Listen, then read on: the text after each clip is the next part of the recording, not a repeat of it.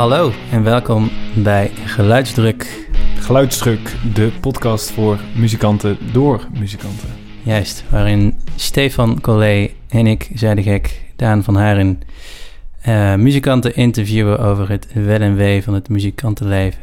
En waarom doen we dat, Daan? Wie ben jij dat om zomaar te vragen? Wie denk je wel dat je bent? Ja. Eh, nou, ik ben Daan van Haren, muzikant. Eh, onder andere bij Den Heer, Chanoir en De Hoepschaber. En eh, tevens ook freelance componist. En jij dan, Stefan? Ik maak muziek met de band The Naked Sweatrips en heb nog wat andere leuke dingen waarmee ik op het podium sta. En eh, ik zing en ik speel gitaar. En daarnaast werk ik ook bij uh, Schreven Muziekinstrumenten Muziekhandel in Nijmegen. En ik ben ook opgeleid als journalist. Dus ik heb uh, tijdlang voor uh, wat verschillende muziekbladen gewerkt, waaronder Music Maker. En dat maakt dat ik zomaar vragen mag stellen. Kijk. Ja, daar ben ik toe gediplomeerd.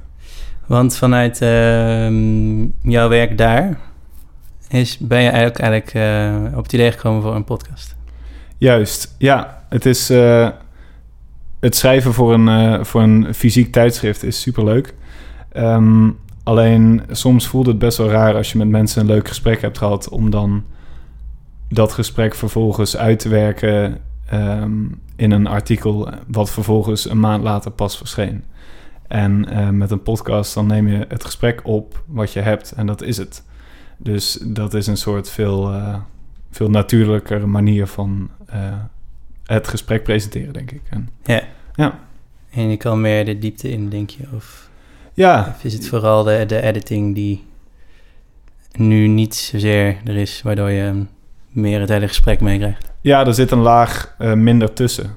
Dus je, je hoeft niet zelf als schrijver daar nog tussen te gaan zitten, maar de, ja, je hoort de vragen, je hoort de antwoorden, je hoort de directe reactie. Je hoort wanneer het een grapje is of wanneer het serieus is bedoeld. Um, Straight from the brown. Exactly. nice. Ja, voor mij uh, is het... Ik kom meer uit de, de, makershoek... dat ik graag andere muzikanten zou willen spreken... over de druk die zij ervaren... in het muzikantenbestaan... als zij die ervaren... en uh, hoe ze daarmee omgaan.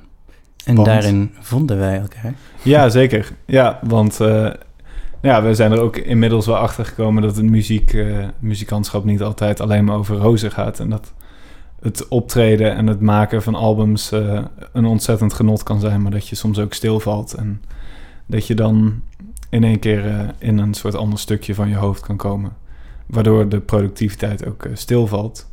En dan is natuurlijk de vraag hoe anderen dat ervaren en ook hoe ze daar uitkomen. Of, ja. ja. of dat ze er totaal geen last van hebben, wat natuurlijk het mooiste is. Dat zou het mooiste zijn, ja. ja. Ja, je bent een creatief persoon die zichzelf blootlegt door middel van zijn muziek. En uh, die moet je vervolgens ook nog zien te verkopen aan uh, het publiek. En je wil daarin ook steeds verder komen waarschijnlijk, als je die ambities hebt. Alleen, um, we leven natuurlijk in een bijzondere tijd als het gaat om het verspreiden van muziek. Um, middels Spotify, onder andere natuurlijk. Er zijn een hoop dingen veranderd en de vraag is ook, is dat ten goede? Is het nu misschien makkelijker of minder makkelijk? Hoe pak je het aan? Dat is eigenlijk ook waar we het over hebben. Ja, de industrie is een stuk minder duidelijk geworden, natuurlijk ook financieel. Um, dus je moet op den duur blijven maken aan de ene kant, maar ja, je bent geen fabriek. Dus daarin uh, is er ook een bepaalde druk, ook een financiële druk en een creatieve druk um, die je jezelf eigenlijk oplegt. En inderdaad het hele tijd uh, verschuiven van die, van die lat die je steeds of net iets hoger legt of juist weer totaal in een hoek waar je nog nooit bent geweest. En dat zijn uitdagingen die je werk uiteindelijk interessant maken, maar dat kan ook ontzettend vermoeiend werken. Als je ja, de ene keer een kroegje vol wil hebben, nou dan is dat gelukt. En dan ben je of in ieder geval ik heb dat, dan ben ik maar heel even heel blij. En Mhm. daarna denk ik alweer van ja, maar ho- hoezo hebben we nog niet in het poppodium gespeeld hier? En eh, ja, laten we daar achteraan gaan. En zo kun je jezelf de hele tijd blijven bezighouden, maar ook wel vermoeien. En ehm, waar trek je dan een keer de grens dat je tegen jezelf zegt: Oké, dit is goed.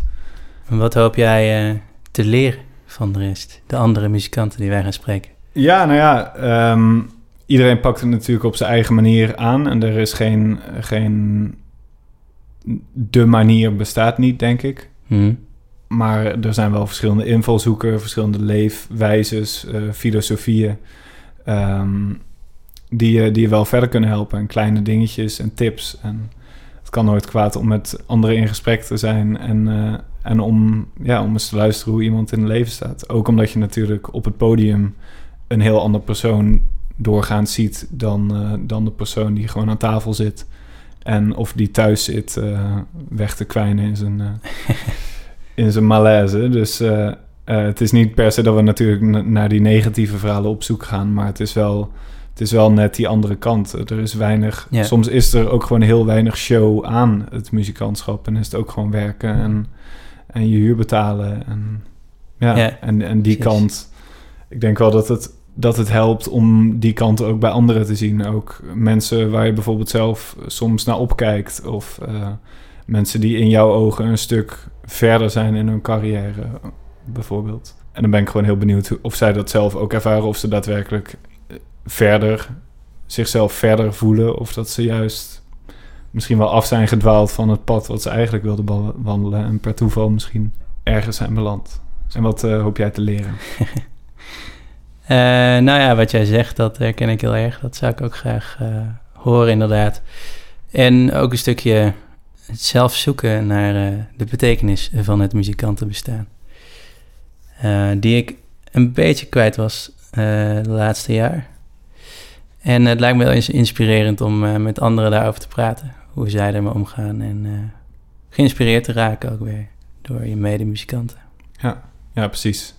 Dat iedereen wel zijn valkuilen heeft, maar hoe kom je daar dan weer bovenop? Dat ja. Is, uh, ja, dus in principe een hele positieve insteek. Zeker. Druk is niet per se positief, denk ik. Maar onze podcast is het de bedoeling dat hij wel positief is. Druk kan ook voor stuwing zorgen natuurlijk. Precies. Juist. Nou, we hopen dat jullie heel veel uh, plezier hebben en, uh, en ook een hoop inzichten overhouden aan de, aan de podcast die we gaan maken met uh, verschillende muzikanten. Um, het zijn muzikanten in de basis Nederlandse artiesten die ja, het verschilt van, van regionaal tot nationaal tot internationaal.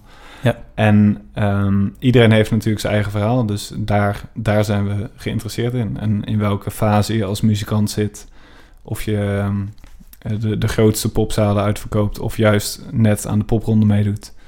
Dat maakt ons weinig uit. Want iedereen ja. heeft zijn verhaal en iedereen heeft zijn druk. Op ieder pad uh, zitten dezelfde dingen waar je tegenaan loopt.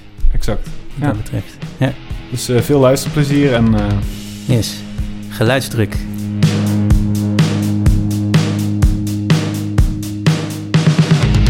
Geluidsdruk wordt in samenwerking gemaakt met Music Maker Magazine en mede mogelijk gemaakt door Scheven Muziekinstrumenten.